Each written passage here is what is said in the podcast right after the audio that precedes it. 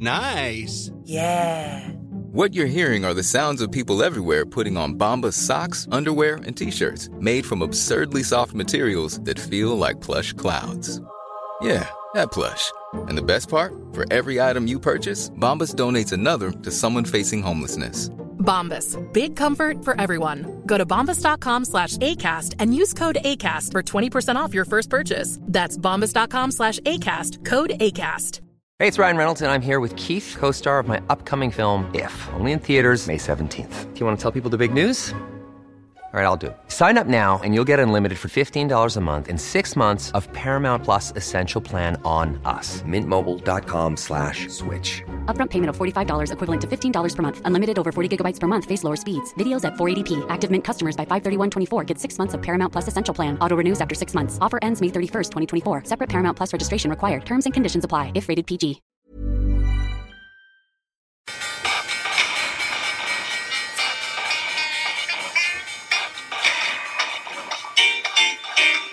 The governments don't rule the world.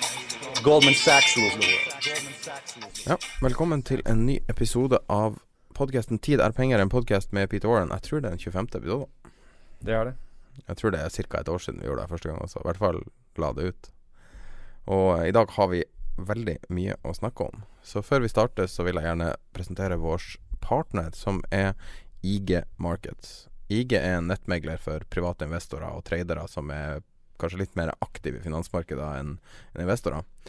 Og som også vil ha eh, moderne teknologi og plattform. Hos IG kan du handle et bredt spekter av markeder. Alt fra norske til utenlandske aksjer, long eller short, til eh, valuta, eh, råvarer, eksotiske råvarer som appelsin og kakao.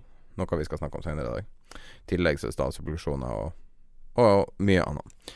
Eh, IG ble grunnlagt i Storbritannia for over 40 år siden og har eh, like over 150 000 kunder. Det norske markedet eh, blir betjent fra Stockholm. Og før vi starter, så skal jeg spille av et, en del av vår samtale med Erik Hansen fra IG Market, som spilles i slutten av denne podkasten. Så da blir eh, et lite utdrag fra den samtalen nå. Jeg skulle si at de, de fleste av mine kunder som krever kräver lite mer avancerade eh, verktyg, lite mer eh, charts, eh, lite mer teknisk analys, eh, lite mer funktioner. Eh, de eh, gillar att handla i pro real time. Og da er vi i gang. Det er ganske mye som har skjedd siden sist. Så kan jeg oppsummere litt til, da. Bitcoin er opp. Bitcoin er opp. Det er du glad for? Ja, ja, ja, ja. Jeg er jo det. Aksjer er mer eller mindre flat. Nå ser jeg bare på amerikanske aksjer. Vixen er ned. Litt turbulent, men ned.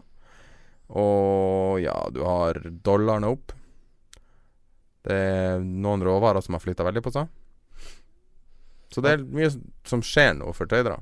Ja, det er det. Det er ikke som, eh, som uh, siste halvdel av fjoråret hvor eh, det var nesten ikke volatilitet. Nå, nå ser vi volatilitet rundt omkring overalt. Altså I fjor var det jo for så vidt volatilitet i kryptovaluta, men annet enn det så var det veldig lavt overalt. Men hva var det som skjedde i Vixen? Du nevnte det før vi starta nå. Jo, altså Vixen her for hva blir det, ca. en uke siden nå, så stiger den 10% egentlig på bare noen minutter. Noen sier at det var en halvtime.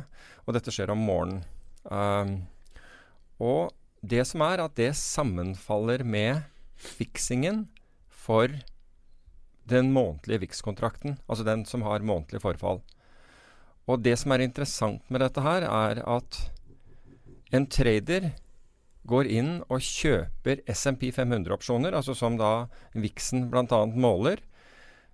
Og disse SMP-opsjonene Han kjøper da opsjoner som vil tjene penger på om SMP 500, altså den store amerikanske aksjeindeksen, faller med 50% på én måned. Og han bruker 2,1 millioner dollar i premie.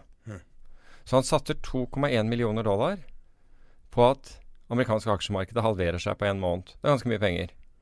Men det er antageligvis ikke det som var hensikten med denne handelen. Tvert imot så er hensikten, mener man at hensikten med handelen var å få viksen opp. Og det lykkes de med, fordi når han kjøper den, denne opsjonen, så presser det opp viksen. Og viksen stiger da 10 på I, i det, det er et område Altså, du har Jeg tror det er fra 8.30 til 9.30 på morgenen lokal tid, altså Chicago-tid, hvor, eh, hvor de da måler viksen. Og da skvetter den opp 10% Og det, man mener da at, dette, at det var mani- markedsmanipulasjon. Altså, man, og det, har man jo nå- det hevdet man jo også tidligere i år. Uh, hvorvidt det var eller ikke, det, det vet jeg ikke. Men det var jo mange som, som mente at det var manipulasjon når, når viksen gikk rett opp til 50. Ikke bare manipulasjon, men jeg mener jo også at uh, litt i likhet med Libor, at uh, det er selve sånn grunnleggende hvordan viksen regnes ut og Ja. fungerer. Så Ja. er den også på en måte designa for manipulasjon. Ja, så den, den, ja, ja og det, det kan være sårbar for det. Og, og hvorfor man mener at, eh, at dette er manipulasjon, det er fordi dette var den opsjonen som var tilgjengelig, som ville få størst effekt. Altså, med, altså for en gitt antall dollar ville den få størst effekt på viksen. Og Derfor så mener man at denne opsjonen ikke var, var tilfeldig valgt. altså den Men hvor mye kan man tjene på å gjøre en sånn en Nå sånn så ikke jeg på den åpne ba balansen, men, men det, det er klart at du kan tjene voldsomt på det. ikke sant? Det kommer an på hvor giret du er og hva du har av posisjoner. ikke sant? F.eks. i VIX-opsjoner, da, for det finnes jo opsjoner i tillegg til futures på VIX. Så hvis du da har altså Hva var den? Den skvatt fra 15 til 17, da, mener jeg at det var. Og det er klart at hvis du f.eks. eier en 16,5 call, altså kjøpsopsjon, som du har betalt bortimot ingenting for eh, dagen før, så sier det seg selv ikke sant, at den kan gå mange, mange mange 100 opp. Jesus. Ja, og, og, og, og da er det en fiksing, lite, ikke sant? Og da er det en fiksing som gjøres. Ja. Slik at det, det, er, er en avregningskurs. Så det blir avregnet mot. Så det er ikke det at du må ut og selge den igjen etterpå ikke sant? og si at ok, du får ikke gjort så mye for du, mm, her. Fordi du skal selge denne, denne posisjonen, og da, da klemmer du markedet ned igjen. Trengte ikke å gjøre det. For det er en avregningskurs som blir satt. Jeg har selv opplevd det samme skje en gang i, i, eh, i DAX-opsjoner for mange år siden. Og da, da endte den avregningskursen på, et, på en dagsnivå som ikke hadde vært handlet hele dagen. Altså den var helt vekk fra faktisk det, det nivået Dagsen hadde ligget på. Og så settes den avregningskursen. Og vi trodde at den, den kursen da ville bli annullert fordi det var åpenbar manipulasjon, men det ble ikke det. Det ble ikke det. Den lot den gå igjennom. Men hvorvidt du kan fortsette å gjøre den type ting Det er klart at myndigheter blir oppmerksom på det, og det er mange som klager. Og da antar jeg at de har satt seg opp i stolen ved neste måned og, og følger med på dette. Men Libor jo, de holdt det jo gående i 20-30 år. Ja. Men der har du veldig ikke sant? Der har du ikke sånn 100 hopp. ikke sant? Der er du veldig små hopp, eller veldig små bevegelser, som betyr enormt. ikke sant? Fordi det, det fastsetter jo renten for alle lån. Alle lån som, er, som har Libor som benchmark. Så du kan tenke deg hva banker tjente på å, å, å, å presse den Liboren litt oppover. Altså med bare altså andre desimal var nok til, ikke sant? til, å, til å være svimlende summer. Det er vanskelig også å finne det som var så rart med Libor-skandalen. Grunnen til at det ikke ble en ordentlig fullblods skandale. Det er litt vanskelig å finne ofrene. Fordi at det er så subtilt. Ja. Ja, så ofrene er, er jo alle som har lånt penger. Ja. Egentlig Men så er det liksom, la oss si 100 kroner. Og- Ja, men du kan si at, at ta de store, ikke sant, de store selskapene. Ikke sant? Eh, Ta altså innenfor bilindustrien, altså innenfor hva som helst, som, som har store lån, milliardlån. Mm. Så er ikke 100 kroner dette dreier seg om, det dreier seg om ordentlige beløp. Men, men ja, ikke sant. Altså beløpene altså i forhold til hva Altså det er jo, det er jo volumet som gjør at dette ble så mye penger. Skal vi se, vi skal gå videre til en, en liten uh, personlig avsløring, tror jeg. Men før det så må jeg si noe jeg glemte å si i introduksjonen. Det skal være en, et seminar eh, 22. mai eh, på Latter i Oslo. Skal du på det? Med John Bollinger. Ja, ja, jeg, ja jeg, jeg tror Altså hvis jeg er i landet, så, skal, så kommer jeg til å gå på det. Uh, og um, Det er et kjent navn, Bollinger. John Bollinger ja, ikke, ja, det, det er ikke han som fant opp champagnen, men uh, Jeg, men, jeg mente Bollinger Bands. Ja, riktig. Og altså, jeg har jo brukt det altså på forskjellige måter um, i, i bortimot 30 år, tror jeg. Det er et slags Ja. uh, gjennomsnitt av Altså, det, altså den standard Bollinger, ja. altså helt standard, det er å ta et 20 dagers glidende gjennomsnitt. Som du beregner en to standardavvik ut fra hver side. Altså, og det, er, det utgjør båndet. Mm. Og per definisjon da, så skal jo det da fange opp 95% av alle bevegelser. Slik at du kan bruke det på to måter. Du kan si at når, når kursen da nærmer seg det øvre båndet, så går du short og nedre, nedre båndet. Uh, så går du long. long. Men, det er, det er, men, vi fant mye mer interessante måter Altså, vi gjorde det også, men, men vi så på hvor bredt det båndet var. For hvis det båndet var veldig smalt i forhold til historisk utvikling på båndet, så ville vi kjøpe opsjoner. For da ventet vi større bevegelser. Da var da, da var det som egentlig for oss å drive en form for korttelling, selv om vi laget en mer sofistikert kortteller. Så var det som at nå begynte risikoen. Altså nå skulle du være på den siden av markedet. Så du kan si det er litt den der kjøp når det er billig, selv når det er dyrt. Og folk gjør det jo gjerne det motsatte. Men, men Bollinger, altså gjennom det han, han fant opp og, Så jeg tror, jeg tror vi aldri egentlig brukte det på akkurat den måten som Bollinger egentlig tenkte det. Um, det er sikkert lett å, Man kan sikkert gjøre det også, men, uh, men, men, men, med stor interesse. Altså, vi fant forskjellige måter å bruke dette på. Sammenligne, særlig å, å sammenligne bredden på båndet med, med, med, historikken. Mm. Og så laget vi indikator ut ifra det, og så laget vi utregninger på basis av det. Men det er interessant. Det er en veldig stor profil som kommer hit. Hvis du har lyst til å signe opp, så må du gå på ig.com no. Da er det topp Altså jeg vil jo si at hvis, hvis, For de som er interessert i, i, uh, i, i teknisk kall, kall, det kvantitativ eller modellbasert eller hva du vil, ikke sant? den type uh, trading, så er han Jeg har ikke hørt John Bollinger snakke, jeg har heller aldri møtt ham, men uh, men jeg ville Altså, han er nok absolutt verdt å høre på. Ja, det tror jeg altså. Og veldig, veldig bra get for IG. Jeg var imponert over at de fikk han inn. Ja, samme her. Um, men kan vi gå litt til din personlige Du har uh, gjort noen uh, investeringer? Ja, altså, jeg, jeg, ja, ikke noe annet enn det jeg sa altså, forrige gang når du spurte meg om at du refererte kryp, krypto da. Uh, ikke sant? Og, og, det var gjøre noe For jeg sa at jeg syns disse nivåene var, var, var fornuftige. Jeg, jeg, likte de nivåene. Og, så det er ikke noe annet enn det. Altså at man gjør som man, man, man sier og, og foretar noen investeringer.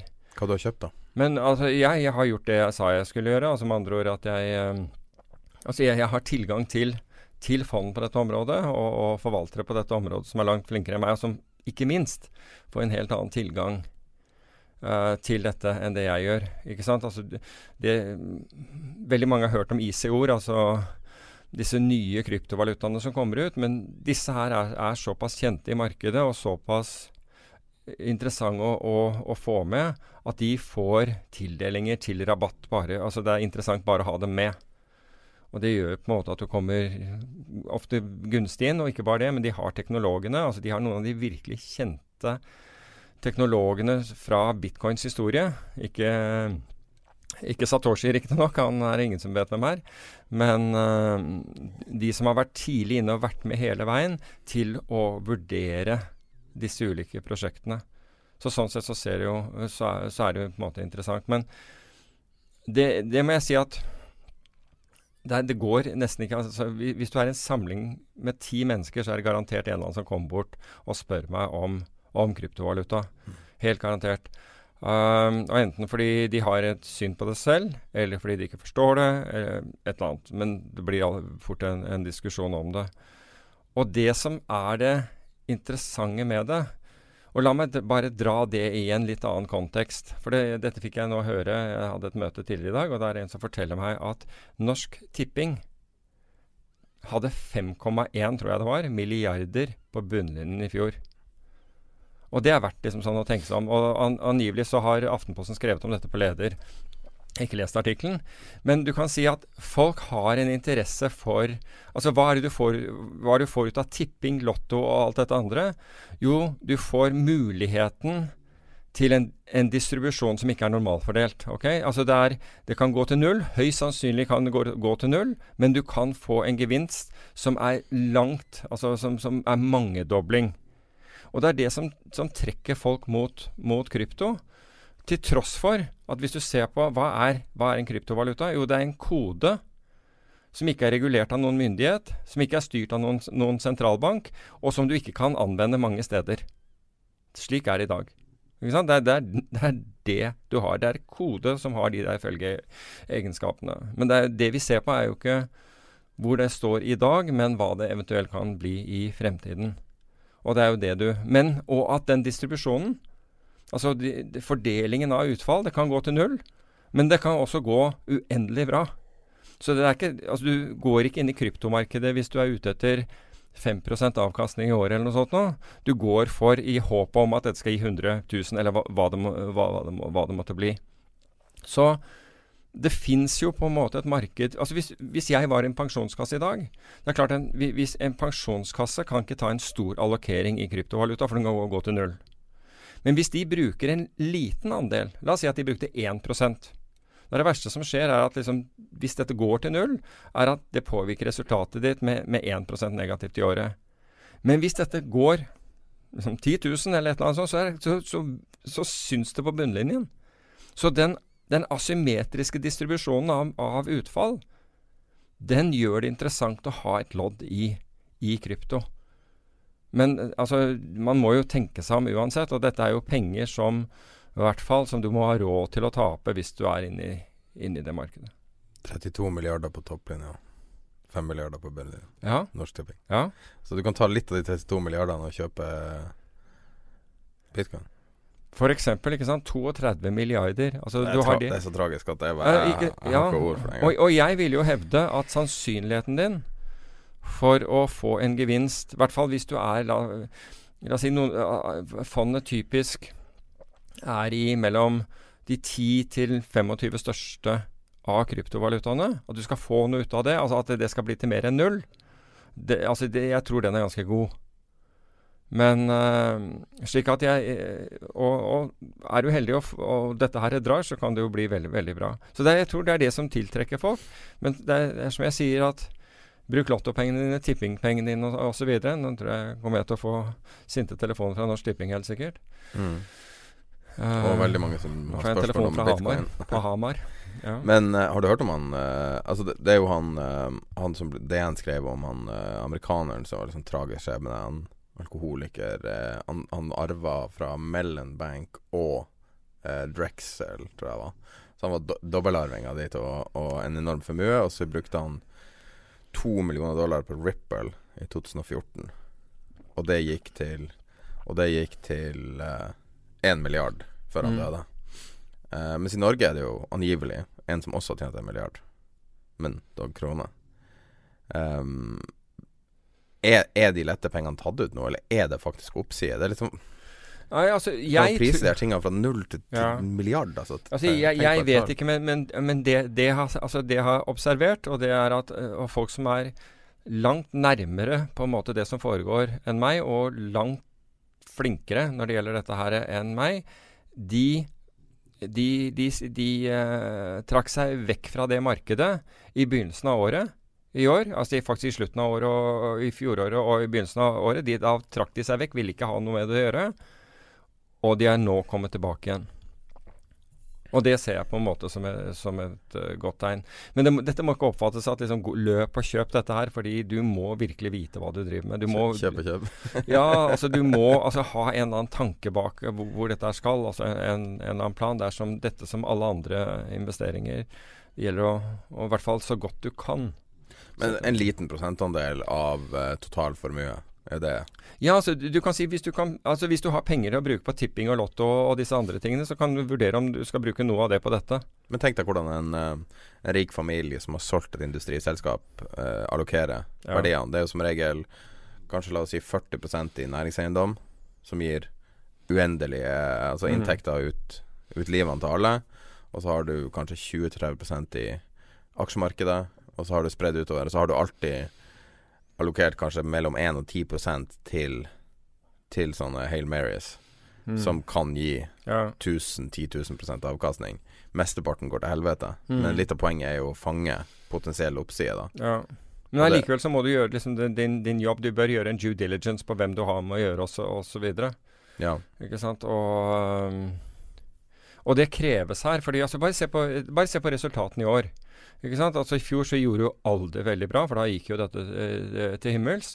Og i år så tror jeg den der Eureka Hedge, den der indeksen som bl.a. måler, eh, måler eh, forvaltere som, og fond som er i dette her, var, var, var, i hvert fall ned 50. Jeg tror den er litt høyere nå. Eh, ned 50% Men jeg kjenner forvaltere som er opp 30% i år. Før eller etter skatt?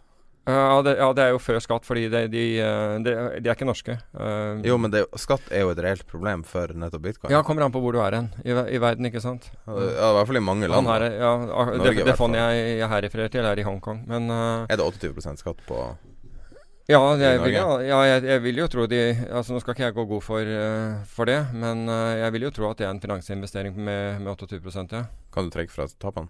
Uh, det vil jeg tro, men igjen det Jeg tror ikke du kan det på poker. Er ikke det det som er med poker, at det er kun gevinsten du betaler for? Du ikke jeg, jeg, jeg, selv om jeg, er, jeg, syns det er mye bra med poker, altså spille poker, fordi, fordi det, det er mest av, av, av den type spill er mest likt markedet.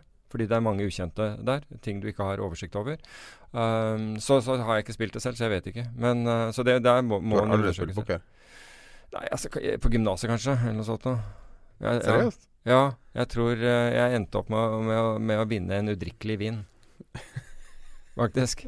Ja, ja, virkelig. Hvordan skjedde det? Nei, det var fordi han som skulle egentlig ut og han, han fikk ikke kjøpt det Altså, det var vel sikkert en flaske vodka eller hva det var det som var. Og så fikk han ikke kjøpt det, men han kom tilbake med en eller annen der um, muskatdruevin eller nøttvin eller et eller annet sånt. Det smakte kjetting. Eh, du drikker ikke så all verdens mye. Eh, men vet du hvem som drikker mye? En alfahann. Ja. Dette var mitt forsøk på en overgang. det. Ja, det er en interessant Ja, det, men det er jo en morsom uh, Kan, overgang. kan jeg lese en overskrift på Daily Mail? Ja, kom igjen. The cost of being an alpha male. Study reveals testosterone fueled hedge fund managers like those in Wolf of Wall Street are more likely to lose money, commit fraud and get fired. Ja, men hvis jeg kan Altså, jeg har jo da lest den rapporten som det, dette kommer fra, og det er The University of Central Florida. Florida og, og Singapore Management University som sammen har gått. Og det de har gjort, er at Bare for å ta grunnlaget. De har tatt bilder Altså, de har fått bilder av 3000 hedgefondforvaltere. Og så har de målt ratioen mellom ansiktets høyde og kjevens bredde. Og visstnok skal det være slik at hvis du dundrer på med, med testosteron, og spesielt hvis du boler og den type ting, altså bruker det som et anabolsteorid, nå er det jo et anabolsteorid, så, så, så vokser kje, kjeven din. Altså, jeg tror hele hodet vokser også, faktisk. ja, det er mulig, men det, det er i hvert fall denne ratioen Ja. som altså mellom høyden på hodet ditt, målt fra haken opp, og, og, og, og bredden målt rundt kjeven. Det var ganske morsomt, fordi det var en Skal ikke si helt hvor, hvor det var, men det var en norsk eh, der hvor som ble spurt om han liksom øh, brukte den type midler, og svarte absolutt nei. Og så viste de bilder før og etter av samme person. Dette er en veldig kjent person. I Norge? Det var, øh, var morsomt. Det var morsomt. Nå, nå, vil jeg ikke at du skal begynne å spekulere på det. Jeg Nei, jeg kan si én person, Jeg skal da. he- Jeg kan si en person som har det, sagt han men har brukt dette, var, dette skjedde, ja. han, han har referert til flere ganger som du fortsatt ikke vet hvem er. Joe Rogan. ja. Han uh, har vel verdens største podkast. og så har jeg sagt flere ganger til Peter at eh, liksom han, han gjør det og det, og sånn funker podkastverden. Uh, og han, hvis du ser han på 90-tallet, så er han sånn spinkel lite, tynt hode, og nå har han et helt gigantisk hode. Og han har sagt at han har brukt human growth hormone og sånne ting, da, så, Ok. så det her stemmer. Du kan jo se det, liksom. Ja. Men, men poenget her er, er i hvert fall at uh, Nå vet jeg ikke hvilke forholdstall uh, som på en måte indikerer høyt testosteronnivå, hva det forholdstall skal være. Men det er klart at altså, går du tilbake i, i meglerrommene altså tilbake i historien, I dag så er det jo veldig mye uh, kvanter som sitter der. Eh, altså kvantitative matematikere, statistik, eh, statistikere og osv. Men går du tilbake igjen, så var det jo et bra støynivå og, og, og trøkk. Så var det jo liksom typisk Så, så var det hele tiden sagt at det liksom var sånn testosteron-filled environment. Men bunnlinjen er at disse har da studert disse her, og så har de da selektert dem på de med høyst testosteron. Og da har de da funnet ut at i gjennomsnitt så har de 5, så leverer de en avkastning i året som er 5,8% lavere enn de som har si, mer normale ansikter, om du, om du vil. Um, og ikke bare det, men at hvis du hvis, kun, altså hvis du skal da selv få inn investorer, og er den typen, så hvis, hvis investorene også er høytestosterone mennesker, de velger høytest... De velger Altså, de velger ikke vaskekluten. De velger han som stundrer og strutter av, av testosteron. De velger de. Slik at fond i fond, altså ta eh, Morsomt, altså jeg vet, Nå har jeg ikke målt ansiktet til Anthony Scaramucci, men liksom Han, hadde perfekt. ja, altså han ville jeg jo tro kunne, kunne falle i den Elsker kategorien. Elsker Scaramucci. Ja, men, men han, ikke sant? Han Ja, drev han, Skybridge. Ja, men han drev Sky, eh, Skybridge. Veldig firkantet. Altså. Ok, men han drev Skybridge. Jeg er helt sikker på at liksom du neppe eh, Neppe fant at han investerte i, uh, i, uh, i hedgefond som var forvaltet av eh, av, eh, ja, folk som hadde sånn bowlingkjegle-utseende, for å si det på den måten. Jeg kommer på en spøk nå. Her er jeg bare forbereder. Er veldig dårlig. Burde man skifte navn på Altså bytte navn mellom alfa og beta i det tilfellet? Ah, ja, den er ikke dum. Den er ikke, den er, det er jo ikke noe dårlig spøk. Det er jo faktisk ja, Den, den, må, jeg, må jeg tenke litt på, faktisk. dårlig fordi- men dårlig det- delivery. Men, ja, men jeg, jeg, jeg ser jo hva du mener, men fordi altså, øh, altså For dem som ikke vet, beta er markeds... Markedsretning. Og, og alfa er meravkastning. Ja, Hvis du riktig. leverer 5% mindre pga. at du er en al- 5,8, nesten 6, ja. Ja, pga. at du er en alfa. Altså, det, er jo helt, det er jo et hav. Men, men da må du også se altså Det har vært gjort mange studier altså jeg, tidligere på dette, for jeg har jo studert det i forbindelse med psykologien, så um, på dette med høytestosteron og hvor, altså hvordan det gjør deg. Altså hvordan agerer du øh, ikke sant, hvis du er det. Og nå har jeg jo ikke tenkt på min egen sånn der øh, ansiktsutforming, men jeg tror ikke det er spesielt bredt. Men Men, vent øh, litt, vent litt, jeg må sjekke. jeg, Ja jeg tviler på det. Men, men, altså, i, men i det altså, Du kan si at jeg har jo drevet med, med en, altså, ris eh, mye risikosport gjennom årene. Og det er liksom ofte Ofte så, så tror man at, at høytestosteron gjør det. Og det vet jeg ikke. Mange vil beskrive deg som høytestosteron ja, det kan godt hende. Men jeg vet jo at når jeg ser karakteristikkene til høyte, høy, høytestosteronmennesker, så, så har jeg en del av de dårlige egenskapene uh, som ligger i det. Temperamentmessig, øh, det der at du, du, du tenderer til å trede mye. Så jeg har liksom måttet Men jeg har systematisk på en måte jobbet med det. Med, å, med å, å redusere antall transaksjoner. Nå snakker vi ikke om high frequency som er modellstyrt, men liksom det at du handler selv når, når du foretar. Slik at du, du på en måte forsøker å korrigere for de svakhetene. Om jeg har klart det på, på godt hånd, det vet jeg ikke. Men jeg har jo jeg har jo følt på kroppen hva det vil si å, å sitte der og kjede deg og finne ut at nei, nå må jeg gjøre noe. Og så tar du en handel, og så er dette klokken fire på en fredag, og alle andre går, eh, skal ned på, på, på, på puben, og, men du kommer klokka halv tolv. For da har du sittet og slitt med en sånn drittposisjon til klokka halv to- tolv til du slutt bet i det sure eplet og, og kom deg ut med et tap. Null, eh, null volum, null noe. Ja, ikke sant. Det var bare helt håpløst. Uh, når det kommer i, i amerikansk lunsjtid på en fredag, ikke sant, da sitter du gjennom en god halvannen time uten at det skjer en ting. Er ikke det den verste tida i uka å trade etter lunsj? På en fredag?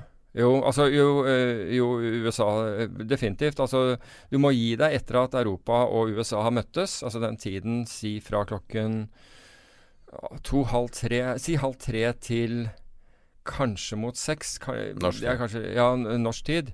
Er det hver dag eller bare fredag? Nei, det er, det, er, det er hver dag, men du Ikke sant, I og med at Europa har tenkt å gå hjem, så, så faller det der volumet av, av, av raskere på en fredag. Så, så du må liksom justere for sånne ting. Men jeg kan fortelle deg en ting om poker, da, siden du ikke vet noe om poker.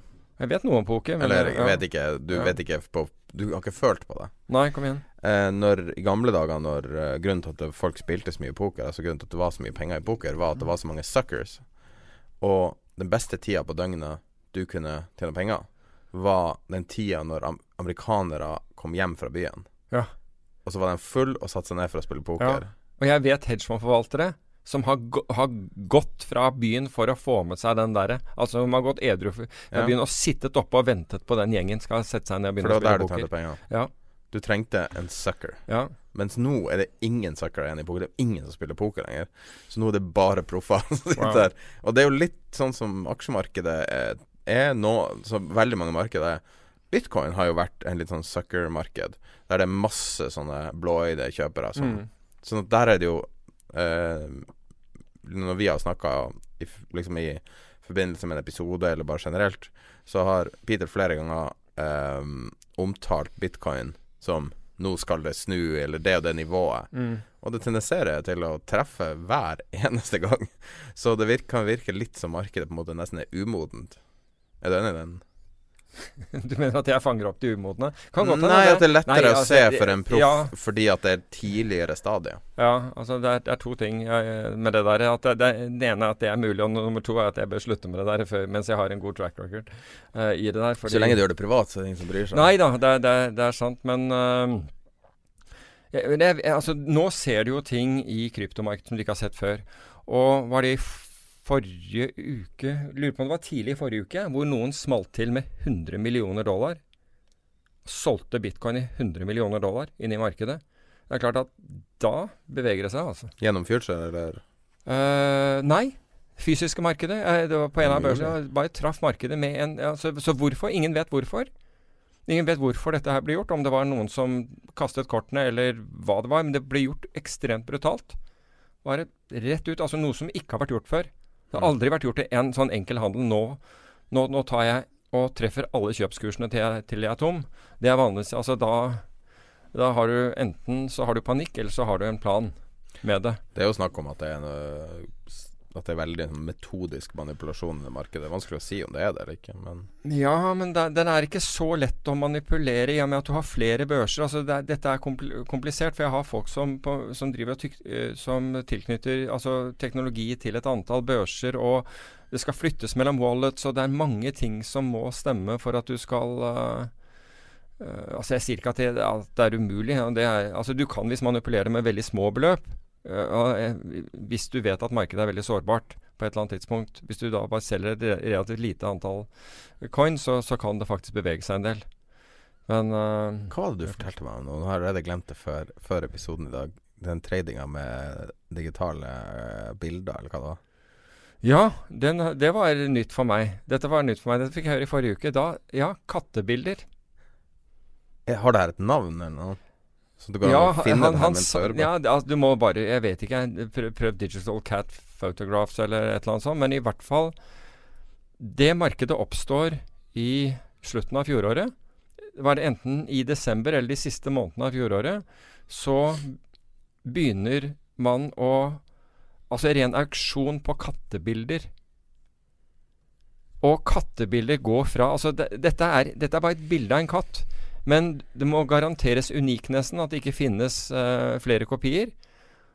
Og det var kattebilder. Altså bilder av en katt. Folk tror jo at uh, Jeg- jeg jeg folk, folk tror at det er et akronym for, for, for et eller annet, men det er faktisk bilde av den der firbente vennen som, uh, som ikke går så godt sammen med hunder. Et digitalt bilde, Ja. så du kan ta screenshot av. Ja. Og det går Altså, og sånne bilder blir handlet fra opp til 100 000 dollar. Ok, her har jeg det. Over eh, Ethereum. Ja, det vet Ja, det er blockchain. Ja, ja, ja, det er Kryptokitties. Ja. Ok. Men du sa du hadde Var det ikke noen eh, nordmenn som hadde trada der også? Jo, det var det. det var, eh, vi skal ikke nevne hvor han eh, jobbet, men det var en kar som jobbet i en eh, banks valutaavdeling som heiv seg på dette her greiene, og, eh, og betaler 1000 dollar for dette hvorpå alle rundt tenker at han er helt noldus. Altså, det må jo være fullstendig idiot. For å så selge det noen dager senere for 13 000 dollar. Han gjorde det her rundt 5. desember også, for jeg tror det her var veldig kortlevd. Ja, men det er riktig. Det var i desember jeg fikk høre at uh, dette hadde skjedd. Um, så Men tatt i betraktning at, uh, at uh, Hvor, hvor langt gikk den her katta? Nei, det gikk visst til 100 000. Det var helt sykt. Mista oppsida. Ja, ja. Men altså, alle rundt syns han var en idiot som betalte 1000 dollar. Jeg er Helt ærlig, jeg syns fortsatt han er en idiot, altså. Ja, ja, det der men- er jo gambling i verste sort. Ja, men han er en idiot hele veien til banken, han. Ja. Altså, Han bryr seg ikke om hva folk har. Men, så, eh, så da- en mulighet. Jo, men det her communityet er fortsatt aktivt, altså. Ok, Kryp ja, jeg. Kryptokitties. Jeg, jeg, har, ikke, jeg har ikke researchet det, men jeg, jeg satt i en middag hvor, hvor en fortalte meg denne historien. Og, og det er en uh, reliable source. Og ja. Her er Harry Potter-Kitty.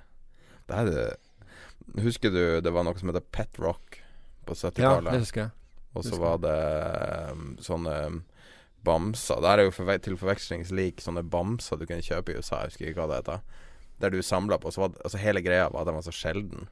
Aha. Så sier de 'her er sjelden', og så sier folk 'å ja, jeg vil betale 10 dollar for det', og så blir det 20, og så blir det 100, og så blir det 500.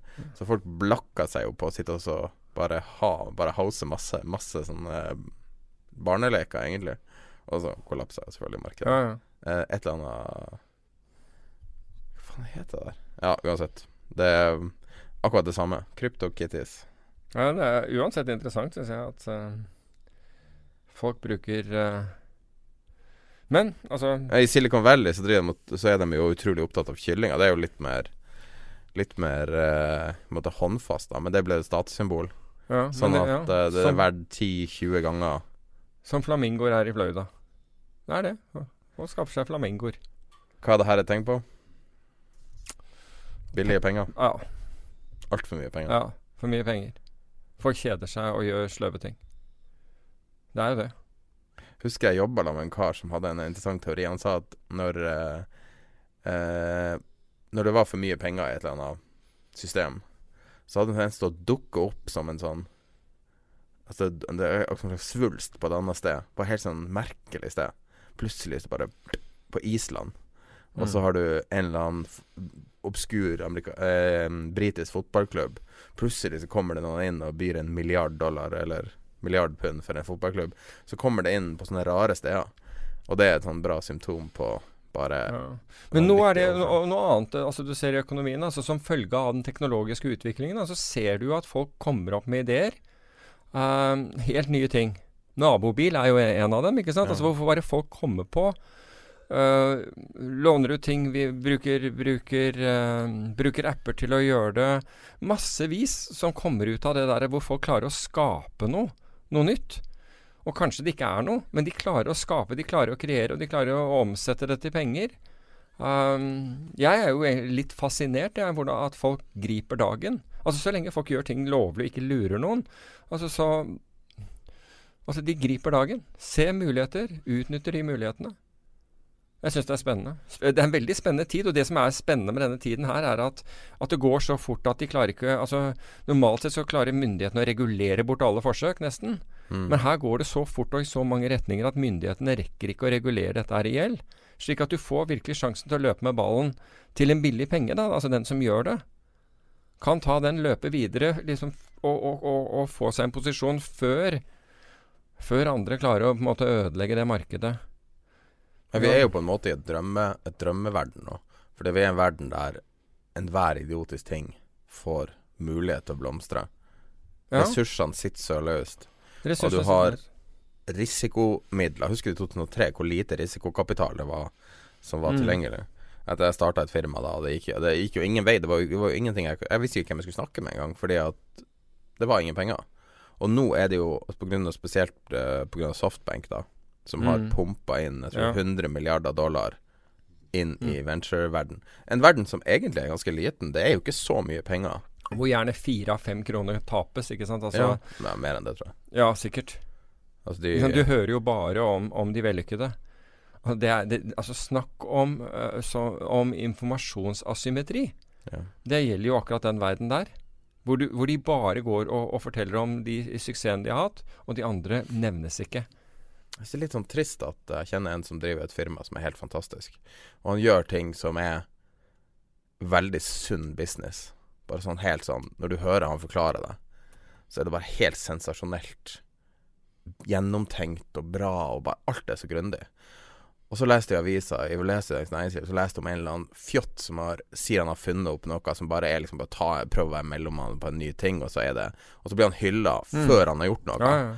Og, og det er en sånn, apropos asymmetri, altså gjennom altså en næringsdrivende som faktisk klarer å bygge opp generasjonsvelstand, den blir aldri omtalt, for de søker ikke omtale.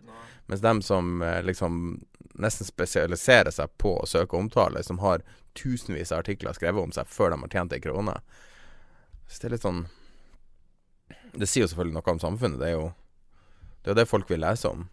Ja, jeg er helt enig. Jeg er enig. Og, og så har det jo det der at uh, det, det er jo morsomt, for, for dette har jo vært Og jeg tror kanskje vi nevnte ved en annen anledning hvor noen endret navnet på selskapet sitt Ja, de til krypto eh, Ja, Det var Long Island. Ice Tea. Ja, ikke sant? Long, Long Island Bitcoin eller Long Island Blockchain eller hva, hva de kalte Det det. ikke det. sant? Og tok fullstendig av. Og altså, Jeg tenker på han uh, som du refererer til, som da som har bygget opp en bedrift. Altså, ikke sant? Altså, det er utrolig. Nøkkelen er på en måte å, å, å hive inn et eller annet um, populært buzzword i Ja. og så flyr det. Å være en litt med nesten sånn uh, Internettklovn syns jeg er et veldig bra eh, Det er et veldig bra begrep. Mm. Eh, det er ikke jeg som har kommet på navnet, da, men eh, det, det er på en måte Det symboliserer veldig mange som får mye oppmerksomhet. Så jeg syns det ofte kan være lurt å, å sjekke og gjø gjøre grunnarbeid, lese regnskap og sånne ting, for veldig ofte så er det ingenting bak store eh, store utsagn. Mens Norsk Tipping derimot, der er det masse penger. og dem snakker ikke så veldig mye med det det. Litt over fem milliarder på bunnlinjen. Du hadde en teori om Donald Trump som du har lufta før. Nå har han snakka ned olje veldig direkte. Ja. Tror du ja, han det, Jeg aner ikke, men jeg, jeg syns jo det er, det er påtagelig. Altså at han, altså, han Før det så skulle han jo gå, gå løs på, på Kina for å, ha, for å ha brukt devaluering av valutaen sin. Så altså da, Nå skulle han angripe Kina. Og han har ikke mer peiling enn at kinesisk valutaen Altså det er jo dollaren som har svekket seg, ikke kinesisk valutaen. Dollaren har jo svekket seg mot den Han har ikke fått med seg det engang. Så han anklaget kineserne for å drive snikdevaluering av valutaen sin. Og så hadde dollaren falt i forhold til kinesisk valuta. Det er en, en bra. Og så har den andre, men nå ser du at si, den makten bak ordene hans har kortere og kortere levetid. Og det var, Mm. det var vel nå på fredag, hvor han, eh, hvor han eh, går ut og sier at uh, oljeprisen er for høy. Den skal, det, ikke sant? Og Skal gjøre noe med det. Stygge. Saudi-Arabia, dette skal ned, dette skal vi gjøre noe med. Og oljeprisen faller vel en dollar eller et eller annet sånt. Men ender dagen høyere. Så um, Og altså, han har da nevnt 19 selskaper, altså med negative fortegn. Og, og nå Så nå tar han vel Altså, det var vel ikke nok, så nå skal han liksom opp og og så prøvde han da på, på, på kinesisk valuta, og så nå på olje. Så det er, han, det er tydelig at han jobber seg oppover stigen for å se hvor, hvor, hvor, hvor Men altså, andre ville jo kalt det der en form for markedsmanipulasjon. Ja, det er jo det. Men uh, det som er artig, er liksom spekulere. La oss si at det er sant. Hvor mye kan du tjene på å vite 100 sikker på at olje skal falle 1 Men det er klart enormt, fordi, eh, fordi hvis du eh, ikke Som Altså, vi, vi snakket om forrige gang. Ja, ja, det vet jeg ikke. Fordi altså, noen må ta den posisjonen for deg. Og den, sånn, det aller enkleste er å ta det gjennom kortsiktige opsjoner. fordi hvis du vet Altså I dette tilfellet så kunne han ikke vite akkurat hvor mye det skulle slå ut. Men han vet i hvert fall når. Når han, når han sier det. Mm. Og slik at du kan kjøpe den, den opsjonen med kortest tid til forfall. Um, litt sånn usannsynlig ut av pengene. Altså la oss si to dollar under der hvor vi er, selv om det ikke falt så mye som to dollar. I det øyeblikket dollaren faller umiddelbart Oljen faller. Ja, unnskyld, oljen faller umiddelbart med én dollar, så farer den i været. Den går voldsomt. Ja, hvor mye, hvor mange prosent er det Ja, mange hundre prosent. Mange hundre prosent. Og hvor mye kan du Hvor stor volum kan du kjøpe? Ja, og Det sånn? vet jeg ikke. ikke sant? Det kommer jo an på én. Om du gjør det bare på la, la oss si at dette fikk jo ikke bare en innvirkning på amerikansk olje. Dette slo inn på brent olje, slår inn på arabisk light, ikke sant. Dubai light sikkert også. Um, hel haug av forskjellige um, råoljekvaliteter. Sikkert også i de andre, altså derivatene av, av, av olje, slo det inn. Så hvis du liksom har spredd deg litt her, sånn, så er det mye penger å hente. Og gud hjelpe hvis du i tillegg har brukt OTC-markedet, hvor de store oljekontraktene går. Er det mulig å tjene en milliard dollar og komme unna med det? Vet ikke. Eh, om du kunne gjøre en milliard på det. Og close traden? Og, Ja, close traden med en milliard i, i gevinst. Vet ikke. Jeg måtte, sett, jeg måtte studert volumtallene for å se hva, hva er hvor mye ikke sant? Det, det handles jo, ikke sant? som i valutamarkedet, det handles for store volumer om dagen. Men det er klart å, å capture den Du skal, du skal ut, tross alt ut av den øh, du har også, så Men at du kan gjøre flere hundre millioner, det tror jeg. Det tror jeg nok at du kan gjøre. jeg, jeg er helt skråsikker på at denne teorien din stemmer nå. Ja, øh, men altså jeg tror at det, altså, at det var nok enda større fordi prosentene blir større, ikke sant? Altså når, når du går på enkeltselskaper. Uh, når du nevner dem, Amazon og, de, og, og disse, da tror, jeg, da tror jeg at det er mulig å, å dra unna med mye penger. Det er klart, hvis du gjorde oljelaster i dette her, hvis du så kunne du gjort det. ikke sant? For det, det er store. Da kjøper og selger hele laster. Det er jo mye Altså mer et helt skip, liksom. Ja, et helt skip, ikke sant. Jesus. Så da, så da Hvis du vet hvor det skal, ikke sant. Du har shortet olje, og så Du har pent og rolig shortet olje i, i terminmarkedet. Og, så, og idet dette her skjer, så slutter du et skip. Mm. Ikke sant? Da, har du, da, har du liksom, da kan du levere den oljen. Da slipper du liksom noe annet. Da slipper du e- egentlig å gjøre motforretning en gang. For du Ja. leverer oljen til Cushing i, ikke sant, i Oklahoma eller et eller annet sånt. Da Når man eier fysisk olje, er det sånn at du ringer kapteinen på skipet? Da snakker man, eller? Nei, jeg har bare gjort det. Jeg har bare eid fysisk olje én gang, og det var ikke med vilje. For å si det på den måten. Hvor mye? Nei, jeg, det var bortimot en skipslast. Hva skjer da? Ja, det var ikke det, Altså Får du sånn her dokument, sånn som når man Altså, dette får burde, tatt, det, dette burde vi tatt blant, blant den der Jeg eh, burde ha en egen sending over mine, mine største tabber, men dette er en av dem. Og mm, det, det som skjer er at Jeg hadde posisjoner i olje som, som skulle forfalle. Og det skulle forfalle den dagen. Men oljebørsen i, eh, i uh, USA, eller, som er da i New York, den stenger uh, klokken ni norsk tid. Det jeg ikke hadde fått med meg, og det var jo bare min egen dumhet, det var ingen å skylde på, det var at forfallskontrakten, den kontrakten som forfalt den, den dagen, den stengte klokken åtte. Så jeg driver og handler i dette her når plutselig ingenting skjer. Altså, for jeg har jo fortsatt Altså, jeg er fortsatt short olje. Så jeg trenger å få tak i Eller eh, å, å, få, å få tak i olje Nei, unnskyld, jeg eide olje og trenger fortsatt å, å selge den. Jeg drev og spreddet mellom det og neste måneds kontrakt.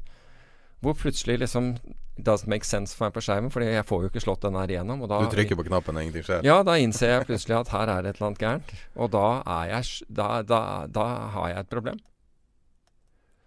Hva, hva gjør man da? Hvem ringer man da? Ja, da, ikke sant. Who do you call? Ikke sant? Da, Statoil, liksom? Nei, altså jeg, jeg brukte jo de kontaktene jeg hadde, og heldigvis så hadde jeg en Altså, jeg kjente en veldig stor oljetrader i markedet som, som var så Altså, egentlig ville jeg blitt fullstendig skrudd hvis, hvis det hadde ikke vært for, for vedkommende. Og det at de visste at jeg kjente han, øh, gjorde at det var grenser for hvor mye de ville, de ville liksom skru meg. Um, og så hold, det, det tok fra Altså fra La oss si at jeg merket dette ti over åtte.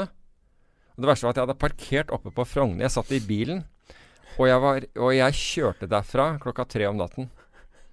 Altså, det var så intenst at uh, du vil ikke tro det. Og at jeg ble sittende i bilen og frem og tilbake med, med dette her. Og Og du klokken, drev og ringte USA? Ja, jeg, jeg ringte kloden, jeg, egentlig, på, på det tidspunktet her. Men jeg fikk et annet, en meglerforetak i, i Houston til å gå imot. Så, men, og det jeg ville gjøre, var at øh, og, og da som en spredd. Slik at jeg ble kvitt den oljen jeg hadde, og så shortet jeg neste måned i en spredd. Ok. Og først så forsøkte jeg bare å, å bli kvitt det jeg hadde outright. Og det, altså, prisene var så dårlige at liksom jeg kunne gått på millionsmell. Um, men så endte jeg Jeg tror jeg endte opp med å betale 15 000 dollar altså sånn for å, for å gjøre dette der. Det hadde det kosta deg å Ja, å gjøre det, og det tjente jeg en dagen etter. Fordi da hadde jeg, da hadde jeg posisjon i, i olje for neste levering, altså dagen etter, og den gikk i min favør, så jeg tjente igjen det, det og, og, og mindre. Men uh, jeg, jeg føl, for å si det mildt, jeg følte meg ikke som noen suksess, altså. Der jeg hadde liksom klart å lukke dette. Jeg, jeg tror vi klarte å lukke det til 30 000-40 000 dollar i, i, i, eh, i gevinst dagen etter. Men jeg, jeg, følte meg ikke akkurat som noe helt som hadde tjent 40 000 dollar over natt, altså. For uh, det var virkelig ubehagelig. Du har nevnt det flere ganger. Ja, det var, ja, det var skikkelig ubehagelig. Det var, det var ordentlig ubehagelig. Apropos ubehagelig, altså, nå prøver jeg meg på litt overgang her. Eh, vi har litt eh, andre tema her. eh, og en ting som har dukka opp de siste ukene, er jo Norwegian-shorterne som har blitt skvisa noe så inn i helvete. Ja. Eh, og det, det som jeg kommer tilbake igjen og igjen, for det er artig når jeg spør deg hvor mye kan man tjene på en sånn trade, teoretisk. Og så jeg svarer alltid det samme. Jeg vet hva som kommer. Du sier det er en opsjon. Så lurer jeg på hvorfor er det så mange, både i Norge og utland, som skal shorte noe, og som da går outright short med aksjen. Når du har kostnader forbundet med det. Norwegian for eksempel er jo Nei, eller Tesla for eksempel er jo 10 Ja. det koster å shorte. Norwegian er Jeg vet ikke hva det er, men det er, det er jo et beløp. Jeg vet ikke. Og så har du risikoen for at det blir trukket tilbake. mm. Eieren kan jo på når som helst trekke tilbake aksjene. Og så har du da den enorme elefanten som er short squeeze. Eller at det bare går uendelig. Og, og plutselig så du kan Det er ingen grenser for hvor mye du kan tape. Hvorfor shorter folk aksjer i stedet for opsjoner? Fordi det, de ofte er long short-fond som, som gjør det. Og de Altså det er en effektiv bruk av kapitalen deres. For hvis de er ute og shorter f.eks. Uh, gjennom opsjoner, så må de ut med opsjonspremie. Mens her bruker de, bruker de aksjene de eier som sikkerhet for, uh, for, for shortsalget sitt. Så det blir netto, på en måte. Ja. Altså, Helt riktig. Og derfor så gjør folk det på den måten. Og så er det det at noen er, noen er allergiske mot å betale opsjonspremie fullstendig. men hvor, hvor stor forskjell er det på opsjonspremie og det det koster å shorte? Jo, fordi det Altså, opsjonspremien tar jo Altså, hvis dette er en volatil aksje, ikke sant, så, så betaler du ganske mye opsjonspremie for å, for å shorte, ikke sant. Fordi det større volatilitet det er i den, det, det mer betaler du. Det lengre, lengre shorten du skal ha i tid, så vil du betale, ikke sant. Så, så det er mange faktorer her. Uh, så, så um, jeg har alltid foretrukket å gjøre det gjennom, gjennom opsjoner. Men, og det er klart at i dette tilfellet her, så ja, dette, Den er jo ekstrem. Men det som er ekstremt, er hvor mye aksjen stiger forut for meldingen. Og en trader gjorde meg oppmerksom på, eller en investor eller trader gjorde meg oppmerksom på at det var at aktiviteten dagen i forveien, idet man gikk inn i sluttauksjonen Dette er en som trøyde Norwegian veldig mye.